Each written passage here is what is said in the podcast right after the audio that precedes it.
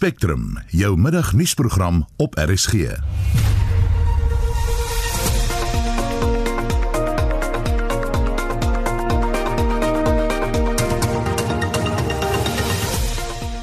In vandag se program die ekonomie tel kop op. Ons praat met 'n ekonom, die jongste nuus van die Staatskapingskommissie. Matrieks praat oor die vraestelle wat hulle moet oorskryf. Om nou net negatief te wees daaroor gaan net jou eindpunt beïnvloed. So lus lyk positief bly en hard werk is ons enigste uitweg. En drukgroepe dring daarop aan dat leeutellery verbân word. Welkom by Spectrum, die span is Wessel Pretoria, Evert Snyman en ek is Susan Paxton. 9 minute oor 1 jy luister na Spectrum. President Cyril Ramaphosa het 'n streep in die sand getrek met 'n sterk bewoorde brief van die nasionale uitvoerende komitee van die ANC.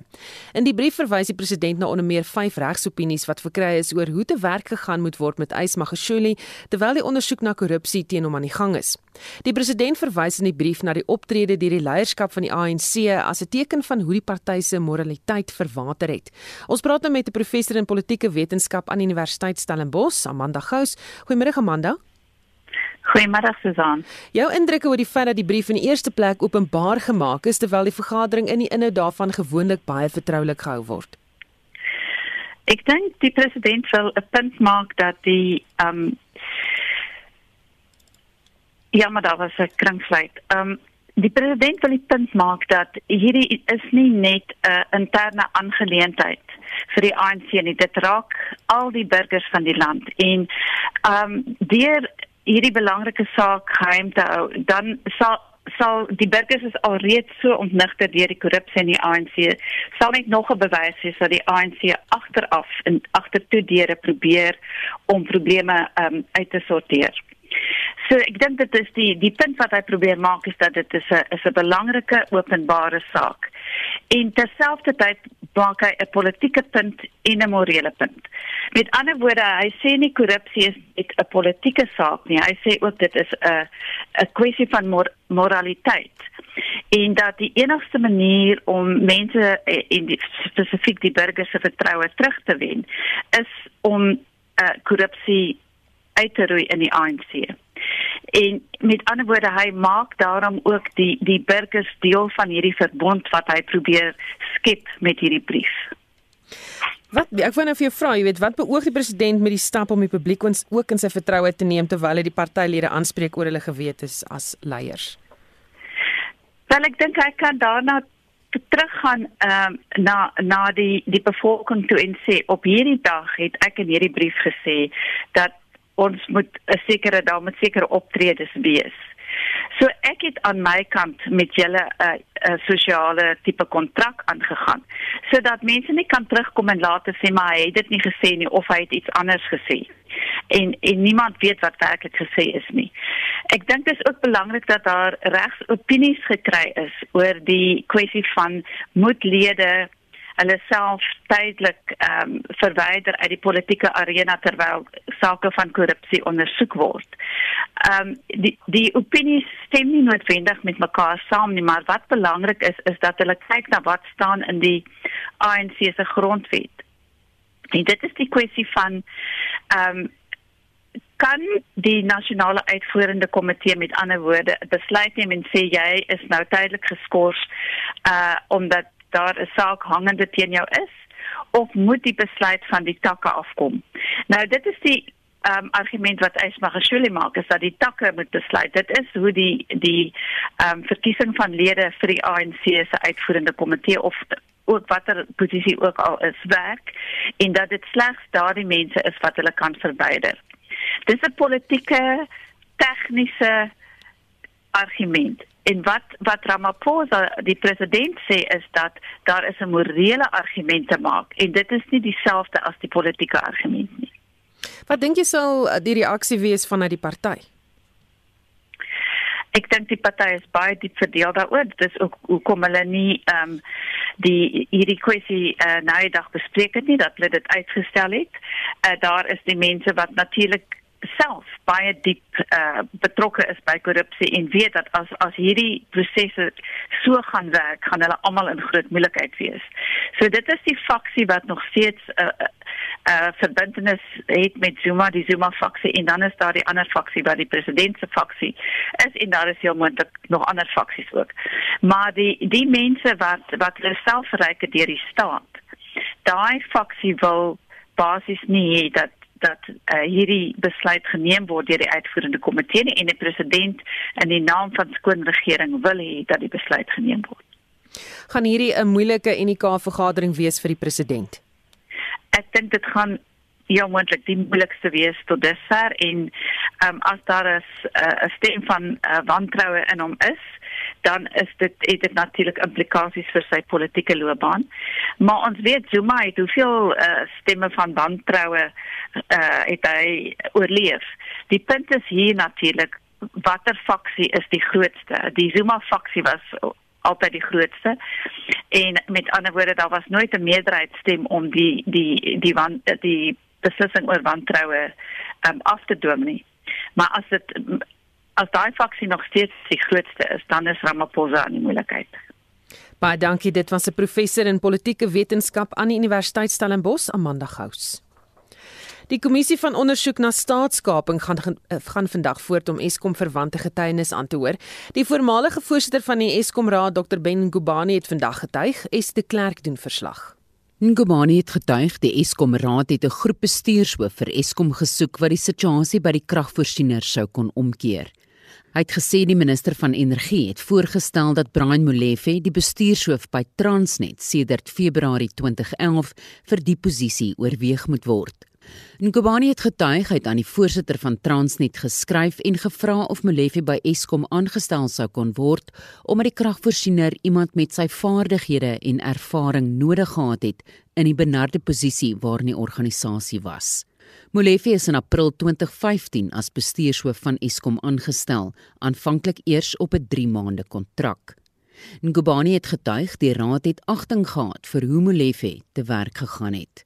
I wish I had a video of Brian Molefe going to the most troubled power stations. He comes in there, stuff is gathered, there's an open space, he jumps in there and starts jiving and singing. That was the man. And then one, two, three, all station masters are under pressure to produce because their own people are demanding efficiency, productivity. That's how we overcame load shedding. So the fact that he was new, the fact that the BTC was refusing to accept a proposal from ESCOPS, which is the EXCO Procurement Subcommittee, on an increase in price, which again I think was about threefold. They said they can't deal with this. They will not accept it. They're bringing it to us. And also, we, of course, couldn't deal with this because this was a matter of negotiation. But we all said, let's leave it for the CEO. But knowing Brian, he came in there, boots and all, and started dealing with it. And we're quite happy with the way he dealt with it.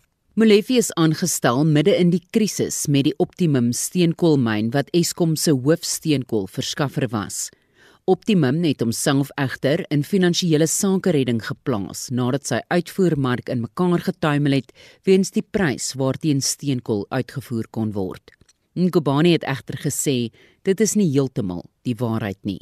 The issue with Lenko Optimum is from what I've read or what I've heard there was a period when the export coal price was rocketing in dollars and every coal producer was trying to get into the international market. That time, Optimum Coal Mine was washing its coal, taking out the best for export and giving rubbish to ESCOM. Even that rubbish was below the coal supply agreement stipulated.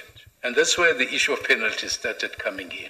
So they are misrepresenting the issue that their hardship started when the export coal price collapsed. That benefited billions at the expense of ESCOM while, while the coal price was up there. So really it's a it's pathetic that big organizations like this, wealthy as they are, have totally abused us in South Africa. Nkubani is uitgevra oor Molefe wat onderhandelingsprosesse met Eskom se grootste steenkoolverskaffers in Mei 2015 gestaak het. In terms of what I know, this penalty issue originated from 2012. By the time we came in as a board, some parts of it because it was happening at different stages, accumulating penalties for this period and so on. By the time we came in, a big part of it was going to, in law, they call it prescribe. And from what Brian reported, he had no choice but to make sure that he doesn't allow prescription. He doesn't allow OCM and Glencoe to get away with murder. And that was the approach that was taken. They could use their reserves to support Optimum. Ngubani het getuig Optimum het in sake redding gegaan bloot om te vermy om boetes te betaal. And even when arbitration was suggested, they refused it. So they mustn't come here, chairperson, and be holy, holy, and nice.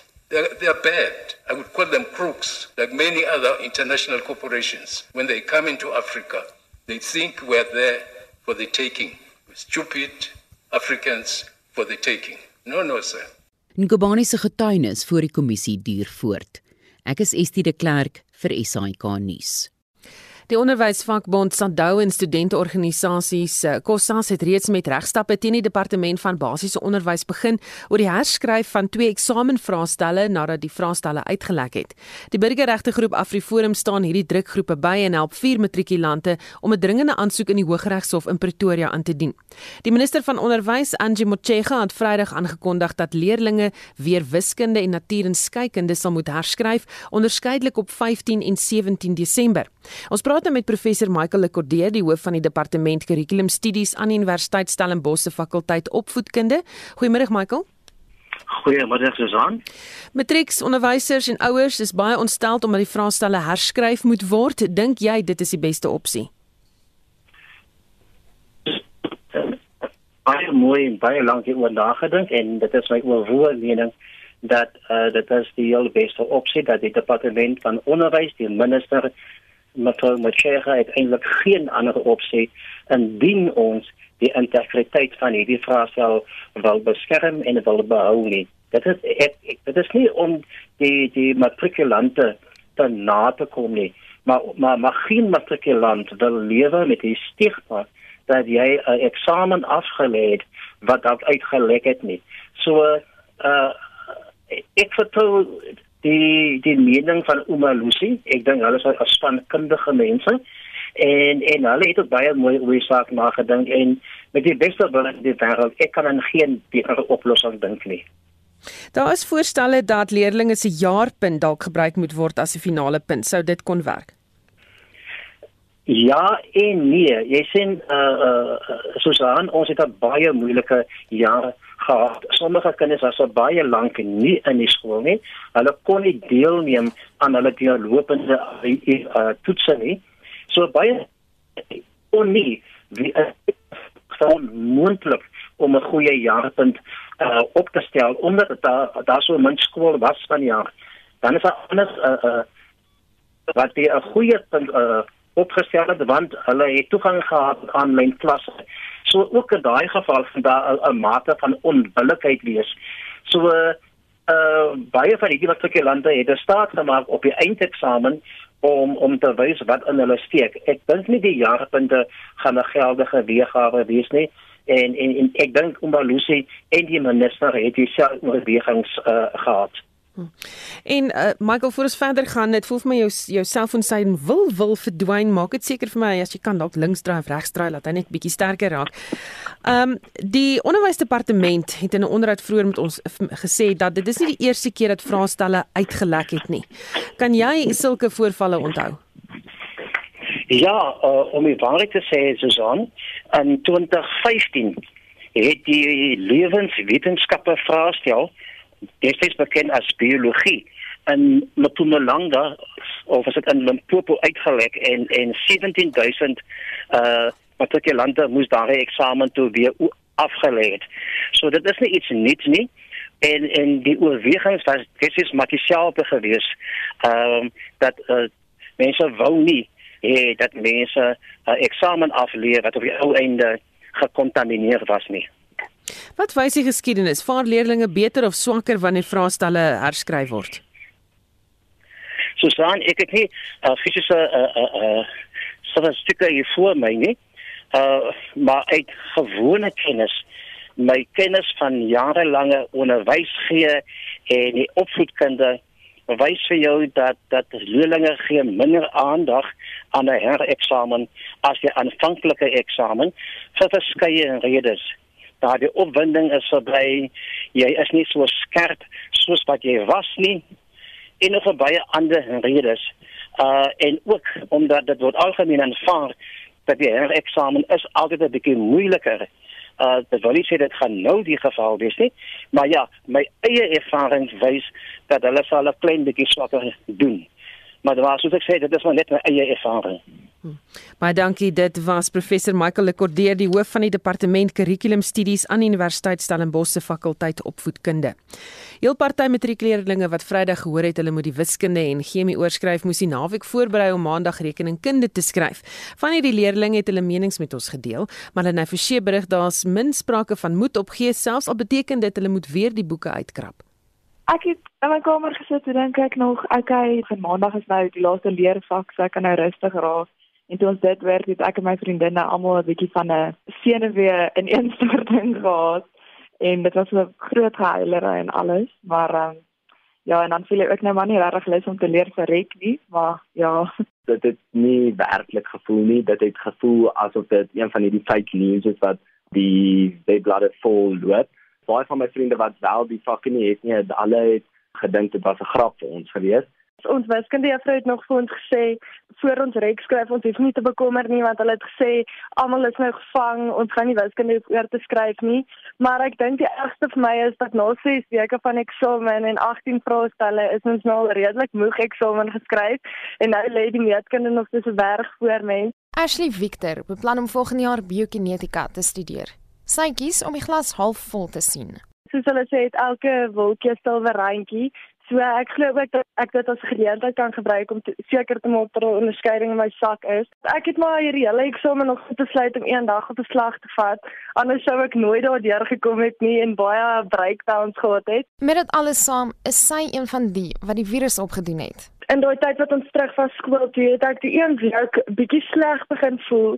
My kop het so half swaar gevoel. Ek het steekpynne in my voete en hande gehad, maar ek het niks daarvan gedink nie want ek was net by die skool en nêrens anders nie. Ek het hierdie Sondag begin hoes en net slegter en slegter gevoel en die Maandag het ek gaan toets en toe uitgevind ek is positief.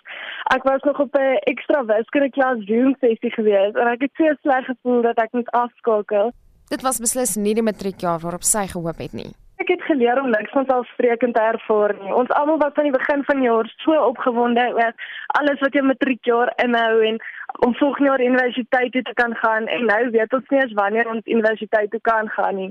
Dit was baie rof, maar daarom kan ons nou eendag vir almal vertel ons het dit gemaak. Armand Leroux wil elektromeganiese ingenieurswese studeer. My hele mikpunt vir die hele eksamen was om daai twee vraestelle so goed te doen as wat ek moontlik kan en dis my universiteit toelating te kry. Hy sê hy het verkies om eerder sy jaarpunte gebruik as om oor te skryf. Intussen voel hy en sy vriende dat die herskryf van die vraestelle onregverdig is. Nadat ons geskryf het, het ek regtig positief gevoel oor die toets en om dan te hoor jy moet weer oorskryf is nogal asof 'n bom in jou gesig ontplof het. Ek het my etiese gedrag gevolg om indien jy sulke goed gekry het om nie na dit te kyk nie en dit te rapporteer waar die hele land nou gestraf word omdat net 'n sekere hoeveelheid mense dit moontlik kon gesien het en ons wat wel dit nie gesien het nie eers paar ure nadat die toets klaar ingeneem is gehoor het dat dit wel gelek het in ander provinsies. Jean Jansen van Rensburg stem saam. Die manier hoe dit gehanteer het is maar bietjie onregverdig omdat ons voel ons het net die toetse gesien nie, en ons is nie in enige manier bevoordeel daardeur nie ek dink baie mense het nou maar besef hulle moet 'n kop skuif maak om weer reg te maak om te leer, maar dis maar 'n moeilike aanpassing omdat dit nog nooit ons mens nog nooit oorskryf nie. Ek kan nogal dink wat wil jy volgende jaar gaan doen?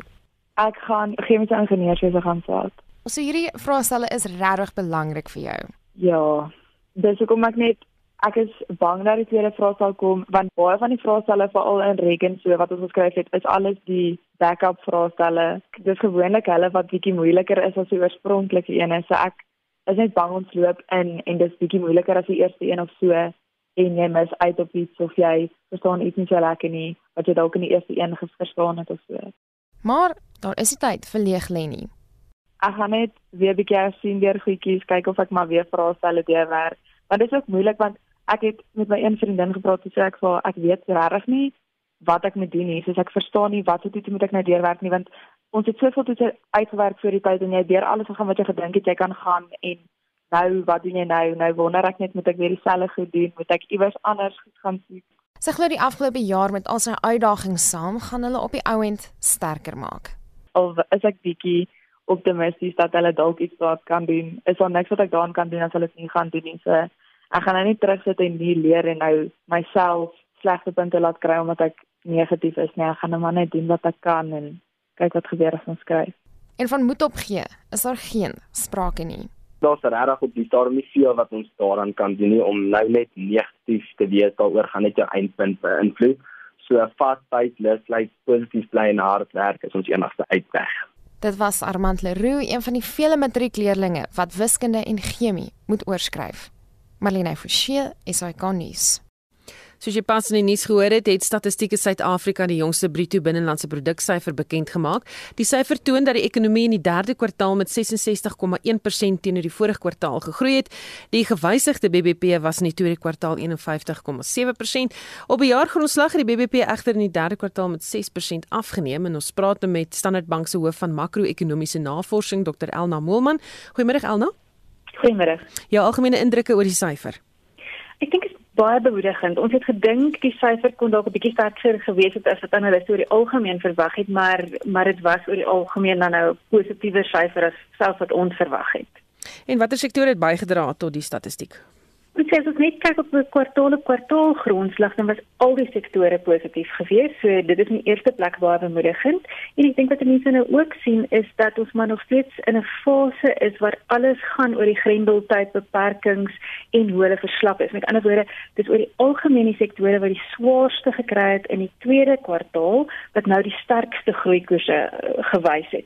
So byvoorbeeld as ons kyk na mynbou en vervaardiging, het hulle met meer as 70% gedaal as mense nou kwartaal op kwartaal en en seisoens aangepas daarna kyk teen 'n jaarkoers en nou sien ons dat hulle met meer as 200% gestyg het. Maar mense moet ook net hierdie syfers 'n bietjie in konteks sit. Die syfers waarna ek nou verwys het en waarna ons vir algemeen verwys druk al hierdie syfers teen 'n jaarkoers uit. Met ander woorde dit sê as ons hierdie momentum vir 'n jaar volhou dan sal hierdie sektore byvoorbeeld met sulke groeikoerse ehm um, groei. Maar uh, as ons dit dan nou net kan vergelyk, daardie syfer in terme van die totale BBP was 66% gewees so teen 'n jaarkoers as ons die momentum volhou. As ons net kwartaal op kwartaal daarna kyk en geen aanpassings maak nie, dan is dit 13.5%. Ek dink daardie 13.5% is dalk nou 'n bietjie makliker om om mee te identifiseer. So dit is hoeveel die ekonomie dan nou gegroei het van daardie geweldige moeilike tweede kwartaal af. Ek wil nou vir jou vra, jy weet, wat verwag jy in die afsienbare toekoms nou? Ek dink baie moeilik om die 4de kwartaal se syfer byvoorbeeld te voorspel. En ons het dit nogal van die begin af gesê dat dit maklik is die tweede kwartaal om te sien, want jy kan net volg wat die regering toelaat en nie toelaat nie en dan in die derde kwartaal kan jy nou weer eens net die die regulasies volg en jy het 'n goeie idee van wat in die ekonomie aangaan. Maar in die 4de kwartaal begin dit regtig gaan oor hoeveel mense het nog hulle werk gehou? Ehm um, hoeveel besighede het oorleef? Hoeveel moes jy in jou besparing insny? Hoeveel het jy dalk net jou spandering van die tweede kwartaal 'n bietjie uitgestel? So dit word nou amper moeiliker om om dit te voorspel. Maar ek moet sê as ons kyk na die data wat ons wel het, so ons kyk byvoorbeeld na Standard Bank se kliënte en wat ons kan sien wat hulle doen en dan is daar nou byvoorbeeld goed soos ehm um, motorverkoop, ons het al bietjie uitvoer en invoer data en so voort. Al daardie data is eintlik baie bemoedigend. So ons het gedink groot negatief in die tweede kwartaal, goeie herstel derde kwartaal en dalk verloor ons 'n bietjie momentum in die vierde kwartaal, maar sover lyk die data eintlik baie bemoedigend. So ek dink ek kan nie sukkel maar nog steeds en baie mense kry baie swaar, maar ons is besig met hierdie pad van herstel. Baie dankie, dit was Standard Bank se hoof van makro-ekonomiese navorsing Dr Elna Molman. Jy luister na Spectrum elke weekmiddag tussen 1 en 2. Hoofnuus in Spectrum die ekonomie bonds terug. Drukgroepe dring daarop aan dat leeutelery verban word en drie boksspelers sal die rugbyspan van die dekade bly ingeskakel. Daar is geen verkeer. Gauteng Pretoria staan 'n voertuig op die R21 Noord net voor Nelmapies Rylaan. Hy brand, so bly maar weg van daardie gebied as jy kan. Kaapstad staan 'n voertuig op die N2 stadheid net na Mowbray Main weg en dan in KwaZulu-Natal staan 'n voertuig op die N3 Wes net na die Ashburton wisselaar in die linkerbaan en dit is jou verkeersnuus. Die sangeres Dawn Lindberg is vroeg vanoggend dood in die ouderdom van 75 aan COVID-19 verwante oorsake. Sy en haar man Des het sangloopbaan of hulle sangloopbaan begin met die sing van volksmusiek in die jare 60. Hulle het ook probeer om politieke grense tydens apartheid oor te steek met hulle musiek en was in 1973 verantwoordelik vir die teaterstuk Godspell. Dit was een van die land se eerste veelrassige verhoogstukke. Dawn was ook die stigter en uitvoerende direkteur van die jaarlikse Naledi toekenninge in Gauteng. Hier is die sangdio met een van hulle vroeë liedjies 16 eh, Rietfonteins. There was Sonnerspos in Pofadder, Pipeklip in Pudimoo, Uppington and Camperdown, Blue Lagoon and Grahamstown, Dankbaar in Dandaloo en Olifantsfontein. Rietbron, Riethuis, Rietkop, Riet, Rietfak, Rietpan, Rietwater en 16 Rietfonteins. I am marking my map with South African names, Manameed and 14 streams. With dusty dogs in khaki shorts and roadside patchwork seams. Names that were left in the lash of the trek and noisy names like Nicholson's Neck and roads that lead a hundred ways. To quiet names like Capes and Blaze. Mm-hmm. And Malmaison and Mully Point. La Rochelle and Viendone, Cabo Tormentoso, and Rietfontein again, eh?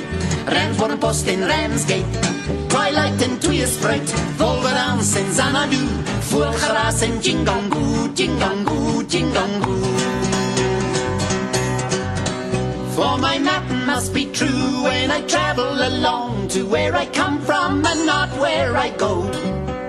And the labels on my leather case from Governor's Cook to Garrido will say that it's a long, long walk from Petzervar to Zuolskog. You'll never make it in a day. To Possession Island from Conception Bay. Mm-mm. And Kumbu, Gobble, Gobble, Nagana, Nababip, and Nebo, and Nobo. And here comes the phone, day. beep, beep, Makalama, Pedi, Nabis and Pedi, Ngudu, Ichini tuba tuba un clatazana in ging ging lovo on tweeny and when they asked me to make conversation in a villa that overlooks Cannes oh I drop the names of my nation. Connaissez-vous peut-être les caves de Macapan? Or do you out here tonight sommer Macapan sa gat nee And when my hostess murmurs of Memphis, oh, I say without sounding forced, Listen, do you people perhaps know that route from the Gatterskap at Frek van Dorst? Cause my heart longs for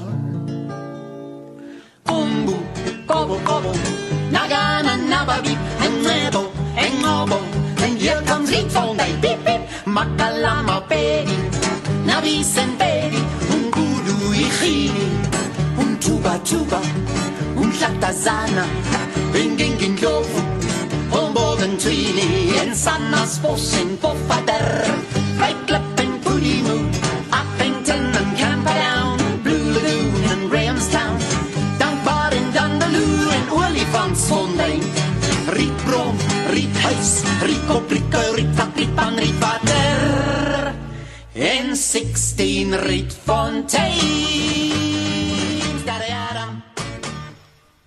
Desendon Lindberg met 16 eh, of 16 Rietfontein soos hulle daar gesing het. Ons het gister berig oor die minister van landelike ontwikkeling en grondhervorming Toko Tedisa se aankondiging dat 'n miljard rand beskikbaar gestel is aan die departement om bestaansboere by te staan. Afhangend van die betrokke kriteria kan aansoekers vir die ekonomiese stimuluspakket tussen 1000 en 9000 rand se kupons van die regering ontvang. Verskeie landbouorganisasies waarsku egter dat die tydelike reddingsboei nie volhoubaar is nie. Marlene Forsie berig hulle dink die antwoord lê by kommersiële boerdery. Agris as uitvoerende direkteur, Christo van der Rede, sê die organisasie het gehoop dat daadwerklike inisiatiewe om werk te skep bekend gestel sal word in plaas van hulppakkette. Ons het nie 'n probleem daarmee nie, maar uh, dan moet dit nie verkoop word as 'n werkskeppingsinisiatief nie. Ons is van mening dat die grootste geleentheid vir werkskepping lê in die kommersiële sektor. Wanneer gaan die minister die nodigheid insien om die kommersiële landbousektor uit te staan? Met grootskaalse uh, finansiële hulp. Intussen waarskynlik dat die kommersiële sektor afgeskeep word. Ons sien dat Die regering heeltyd besig is om geld in te pomp aan die verbruikerskap om mense in staat te stel om finansiëel te oorleef. Die fokus moet verskuif na die produksiekant. Ons moet baie meer goed in die land produseer. Die regering maak 'n groot gebak van lokalisering. Nou wat beter voorbeeld is daar nie as die kommersiële landbousektor wat plaaslik goed aankoop, produseer en dan seker maak dat daar verdere waarde ontsluit word. Dit is aan die produksiekant waar werk geskep word. Dit is aan die produksiekant waar die ekonomie op groot skaal gestimuleer word. Suid-Afrika nou nodig het is grootskaalse ekonomiese ontwikkeling. Sy boodskap aan die regering Dit is goed om noodlydendes van hulp te voorsien, maar dit moenie verkoop word as 'n aksie om werkskeping teweeg te bring of ekonomiese groei teweeg te bring nie. Want ons het grootskaalse intervensies nodig en dit is baie nodig dat veral jou kommersiële sektor as 'n vernoot ingetrek word DLE se bestuurshoof Penny van Sail beklemtoon ook die belangrikheid van deurdagte stappe om die ekonomie te versterk. Gaan ons regtig voedselsekerheid veroorsaak? Gaan hierdie mense 'n duik maak in die hongersnood realiteit van Suid-Afrika met soveel werkloosheid en armoede wat ons het? En die hartseer is is dat ons regering en die departement nooit uitreik na daai komponent om seker te maak ons hou dit in stand nie. Ek het nie 'n probleem dat hulle mense wil help wat in die nood is nie. Maar help ons regtig 60 miljoen mense. So hierdie ding is nie so eenvoudig nie. Ek sal nooit in die pad staan van mense wat in nood is wat gehelp moet word nie. Maar is dit 'n oplossing vir Suid-Afrika se voedselsekerheid? Dis die vraag wat ons vir onsself moet antwoord. Hy sê intussen beleggers bly weg weens swak ekonomiese beleid. Hierdie is 'n Suid-Afrika probleem en dit begin by die regering se beleidsomgewing wat ongunstig is om ons ekonomie tot by groei te bring. Dit moet al die fokus op die oomblik verg hoe kan ons ons ekonomie aan die gang kry dat ons werksgeleenthede kan skep? Het sy in landbou maar ook andersins dat ons se mense in 'n posisie stel dat hulle vir hulle self 'n toekoms kan skep. Dit word ongelukkig nie gedoen nie. Dit was die ESA se bestuurshoof Benny van Sail. Marlene Forsie, SAK nuus. Drukgroepe dring daarop aan dat leeuteelery verbân moet word na die bekendmaking van nuwe navorsing in die verband. 41 nasionale en internasionale omgewingsbewaringsgroepe het vroeër 'n petisie hieroor aan die departement van omgewingsake oorhandig. Van die bevindinge in die navorsingsverslag dui onder meer aan dat verskeie siektes in leeu's is wat van dier na mens oorgedra word. Dr. Louis Louise de Waal, die veldtogbestuurder van Blood Lions sê, omdat die bedryf glo nie behoorlik gereguleer word nie, is daar geen manier om so iets te beheer nie. While working with predator involves obviously a, a substantial risk, most predators farm have neither safety nor biosecurity protocols in place, putting farm workers at considerable risk. Fatal accidents are reported, but other work related in injuries and accidents um, involving predators generally go unreported. Of the reported incidents, we know that a quarter of those involve farm workers. So that's a substantial number. The close interaction between wild, wild animals and people is actively promoted through this industry. And most of these activities have no official hygiene standards and create opportunities also for the spread of zoonotic diseases. Terwyl sê met die heersende COVID-19 pandemie behoort die kwessie van uiterste belang te wees vir die departement van omgewingsake. So this year, together with the World Animal Protection, uh, Bloodlines embarked on a study, and we completed a list of pathogens known to affect African lions. We reviewed 148 scientific peer-reviewed papers and identified 63 pathogens recorded in both wild and captive lions. This includes pathogens that can be passed from lions to other animals and also to humans. We also found a total of 83 diseases and clinical symptoms associated with those pathogens. Many pathogens are highly contagious and cause significant morbidity as well as mortality in susceptible carnivore species. And many of those pathogens raise concerns for human health especially considering that basic hygiene protocols such as hand sanitizing and stepping stone to disinfect shoes between enclosures is actually often absent. Terwyl sê verder dat daar ook geen bewyse is dat die teel van leeu's die wildleeupopulasie bevoordeel nie. Given the conditions in which lion farming industry currently operates, the intensive breeding, the high concentrations of wild animals, sometimes even different species in the same enclosures, the unregulated nature of the industry, the lack of monitoring underlines susceptibility to such wide range of multi-host pathogens is likely to could play a central role in the emergence amplification and transmission of diseases not only to people but wild animal populations too Dr Paul Vanston van die organisasie Panthera sê die ontwikkeling van 'n leeuprodukte mark wat insluit leeubene moet nou gestop word voor dit posvat in die wêreld. It is clear and we know this from from our data across Africa that lion populations have been in decline now across the entire um, African continent for it, uh, several decades.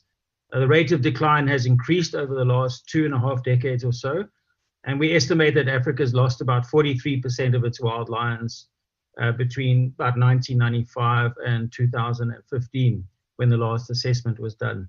Uh, but what's happening more locally within the subregion? So, what we have clear evidence of is that uh, there has been an increase in the number of lions poached on private properties and wild lions in South Africa. It has uh, increased quite dramatically over the last five years, in particular.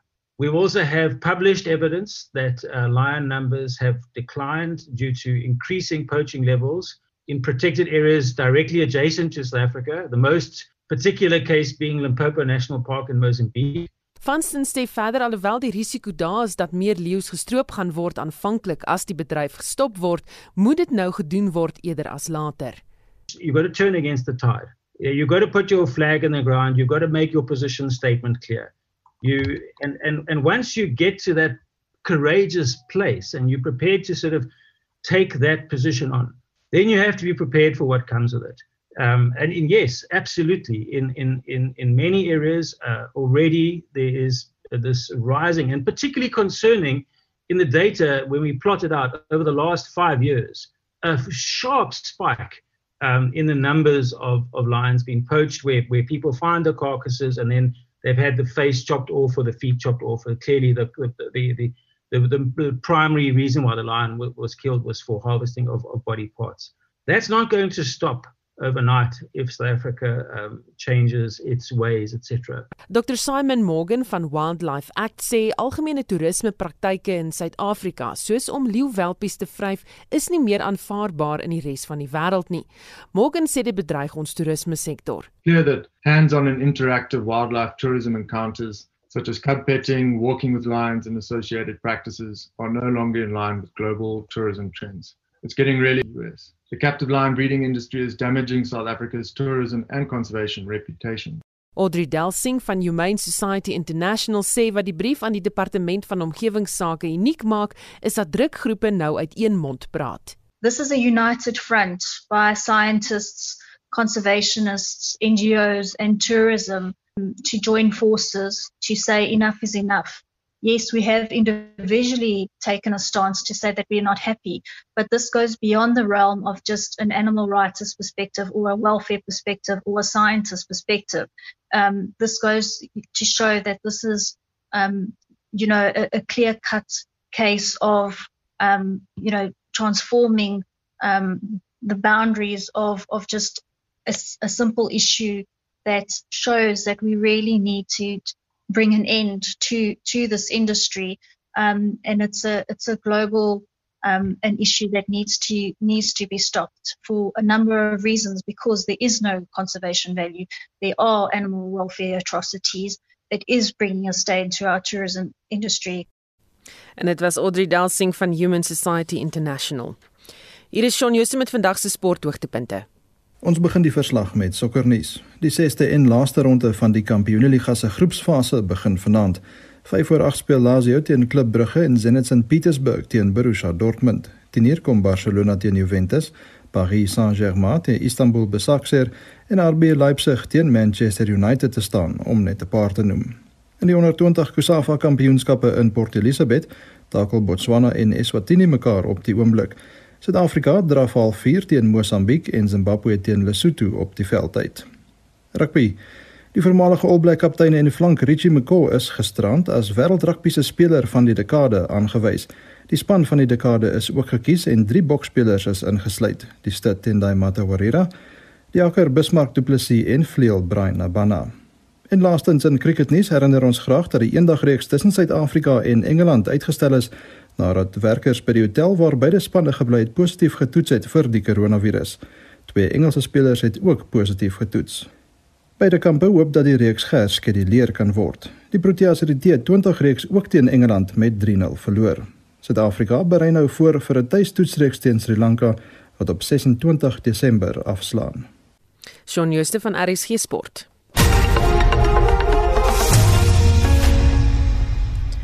Die regterlike gedragstribunaal se verhoor na klagtes teen die Wes-Kaapse regter-president John Klope sit vandag sy verrigtinge voort in Kempton Park aan die Gautengse Oosrand. Klope word daarvan beskuldig dat hy drie regters probeer ompraat het om 'n saak in die konstitusionele hof teen oud-president Jacob Zuma te laat misluk. Klope het na bewering regters Bes Nkabinde en Chris Jafta genader en hulle gevra om in Zuma se guns te beslis. Hulle getuig vandag. Ons verslaggewer, Husani Mkabele, is by die hof. Good afternoon, Husani. Good afternoon. Can you briefly remind our listeners what Zuma was accused of in 2008? Yes, uh, you remember that uh, there, there, was a court case of Shabir Sheikh, his uh, former financial advisor, when he was found guilty and convicted uh, uh, and sent to prison. Immediately, there were search warrants that were authorized for Zuma. Uh, so when Zuma at that time opposed the court case, I mean, the, the, the, search, the searches at its premises, that matter ended up in the Constitutional Court. So it was after it was dismissed in the Supreme Court of Appeal that it went to the uh, Constitutional Court, and that's when uh, the issue of Judge John Shope came in, where he allegedly tried to influence uh, two justices there to rule in favor of Zuma, saying that uh, he had been. Um, uh, persecuted uh, like himself. So, you know, constitutional court judges needed to bear in mind the history of South Africa and basically uh, uh, make sure that what the, the, the Supreme Court of Appeal got wrong was corrected in the Constitutional Court. Uh, what happened in court so far? Yes, uh, w- w- what we've had, for example, yesterday there was a language expert who came in to testify. The testimony centered around a phrase, uh, which means you are our last hope. Those are the words that uh, John Soper is said to have used during his conversation with um, Justice Jafta, basically saying that, uh, you know, they had to rule uh, in favor of Zuma allegedly because uh, the Concord was the, the, the, last hope. And um, today we had the two justices coming in to testify. Firstly, it was um, Justice Jafta who came in and said uh, during his conversation with Judge John Shop at the time, he did not feel that he, he was being influenced uh, he referred to Shopa as his friend and saying they would normally meet, talk about a variety of issues. And the issue of, or, or the matter of Jacob Zuma before the Constitutional Court featured briefly in their conversation, but he was careful not to go into the merits of the court because uh, the merits of the case because he realized that there could be a conflict of interest. And uh, recently, uh, in, in the last short while, we saw uh, Justice Betty Gavinde also coming to testify. She does say, though, that she felt that uh, Justice uh, Judge Flotte did try to influence her, but the minute she rebuffed him and explained that she cannot discuss the case with her, with him, he was quick to explain that no, he was by no means trying to influence her. So she she, she is still under cross examination and, and it's lunch break now. Baie dankie, dit was ons verslaggewer in die hof, Usani Mkabeli. President Ramaphosa het onlangs aangekondig dat die somer-inisiasieseisoen wel sal plaasvind ondanks die gevaar wat COVID-19 inhou. Die president van die Kongres van Tradisionele Leiers, oftewel Controlesa, Khosi Matuba Mkwena sê die regering het die regte besluit geneem. We are excited because uh, this is really a victory to democracy, victory to freedom of choice and association and a victory to our culture. And uh, accolades must also go to my leaders in the Eastern Cape, Inkosi Nonkonyana, Inkosi Mavuso, Inkosi Tutumayo, and other leaders uh, for putting down their feet. And as the national leadership, uh, we really supported them. You remember what uh, the Deputy Minister Abet Wapela said, and we screamed about that. People thought maybe we were unreasonable. I'm happy to say on the first of this month, uh, he came to address the traditional leadership, that is Contralesa and the National House, where he apologized profusely for his utterances. It will only open next year, February. We said uh, not in our lifetime. But we are excited. Uh, people are ululating, people are celebrating. The message was received so warmly by uh, all our kings, queens, and traditional leaders. Mkwena waarsku egter dat streng COVID-19 maatreëls toegepas sal word. But this is not a license for people to just go and do uh, business as usual. We're going to make sure that they, they adhere to all the protocols as uh, dictated to by uh, COVID-19 regulations.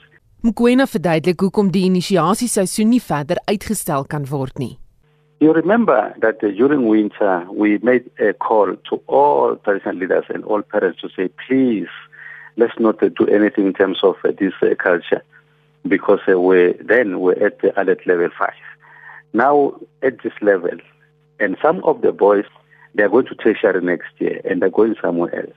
And parents had prepared uh, that they will be taking their kids to the school uh, in winter, and all those were suspended. And it was going to be very suicidal for government to stop it now because we're avoiding these um, people undermining government and doing things as they wish. And you remember, because at some point, after those utterances by Obert Papela, Contralesa issued a statement to say, we are pulling out of all the monitoring structures. Whatever happened, Robert Babela must uh, take responsibility. But now, since we're now in this one, we are saying we're in this together, and we have called upon everybody to see all the risk adjustment plans that are put in place. We're going to make sure that they are followed to the book. That is pre-screening, parents playing a meaningful role, medical checkups, PPEs to be made available, and the traditional surgeons to be trained thoroughly and be checked as well whether they are medically are they fit mm. to go through this ritual. Dit was Kosi Matupa Mkwena, die president van die Kongres van Tradisionele Leiers of Controlesa. Sanparks sê hy is baie trots op een van sy helikopterloodse, kaptein David Simelani, wat die eerste swart Suid-Afrikaanse vlieënier geword het om sy wildvangsvlieglisensie te verwerf. Die woordvoerder van Sanparks, Aikpagla, sê kaptein David Simelani, ook bekend as Black Hawk, vlieg al 16 jaar lank. Pagla sê die vliegkwalifikasie is baie gespesialiseer. Well, today at South African National Parks, we are celebrating Captain David Simelani. He is South Africa's first black game capture rated pilot. His nickname is Black Hawk, and he completed his game capture rating, which is an endorsement on his pilot license with flying colors on the 2nd of December 2020. Game capture rating is a very complex pilot endorsement rating where a helicopter pilot needs to take into consideration the environment, animals, the crew, while managing the actual helicopter itself. Simalane has been a helicopter pilot for 16 years and has flown all over the world, including Madagascar and South Sudan. He has a passion for flying, and to combine that with his love for wildlife and nature, he knows that every flight he does is to make a difference in nature conservation and in people's lives. We, as South African National Parks, are proud of his achievement. He's an inspiration to many young black aspiring pilots. Kaptein David Blackhawk se Melanie sê hy het net een doel voor oë en dit is om die omgewing te beskerm. Joining Sandparks has been the fulfillment of a lifelong dream. To be part of a team that is dedicated, dynamic, hardworking and passionate. Qualifying as a game capture pilot has also been very fulfilling. But making history by being the first African tops the cherry on top. I am really grateful to all those that have contributed to my growth in the aviation sector, and I don't take this responsibility lightly. Right now, as a team, our focus is on preserving our fauna and our flora. En uh, dit was die stem van kaptein David Blackhawk Simelani. Net vir ons groet die Oos-Kaapse LER vir samewerkende regering en tradisionele sake, Kolile en Kata het pas die verkiesing van die burgemeester in die Nelson Mandela Bay Metro as onregmatig, onwettig en nietig verklaar. Maar die verkose burgemeester, Nkaba Banga, sê die LER kan slegs sy aanstelling in die hof betwis. Banga is op 4 Desember onbestrede as burgemeester verkies. Daarmee groet die Spectrum span vanmiddag en uh, dis namens ons waarnemende uitvoerende regisseur en vanmiddag se redakteur Wessel Pretorius, ons produksieregisseur Evert Snyman. My naam is Susan Paxton. Geniet jou middag.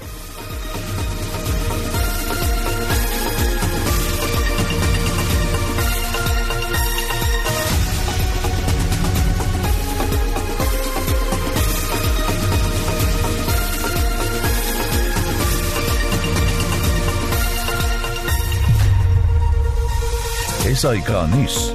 Onafhanklik, onpartydig.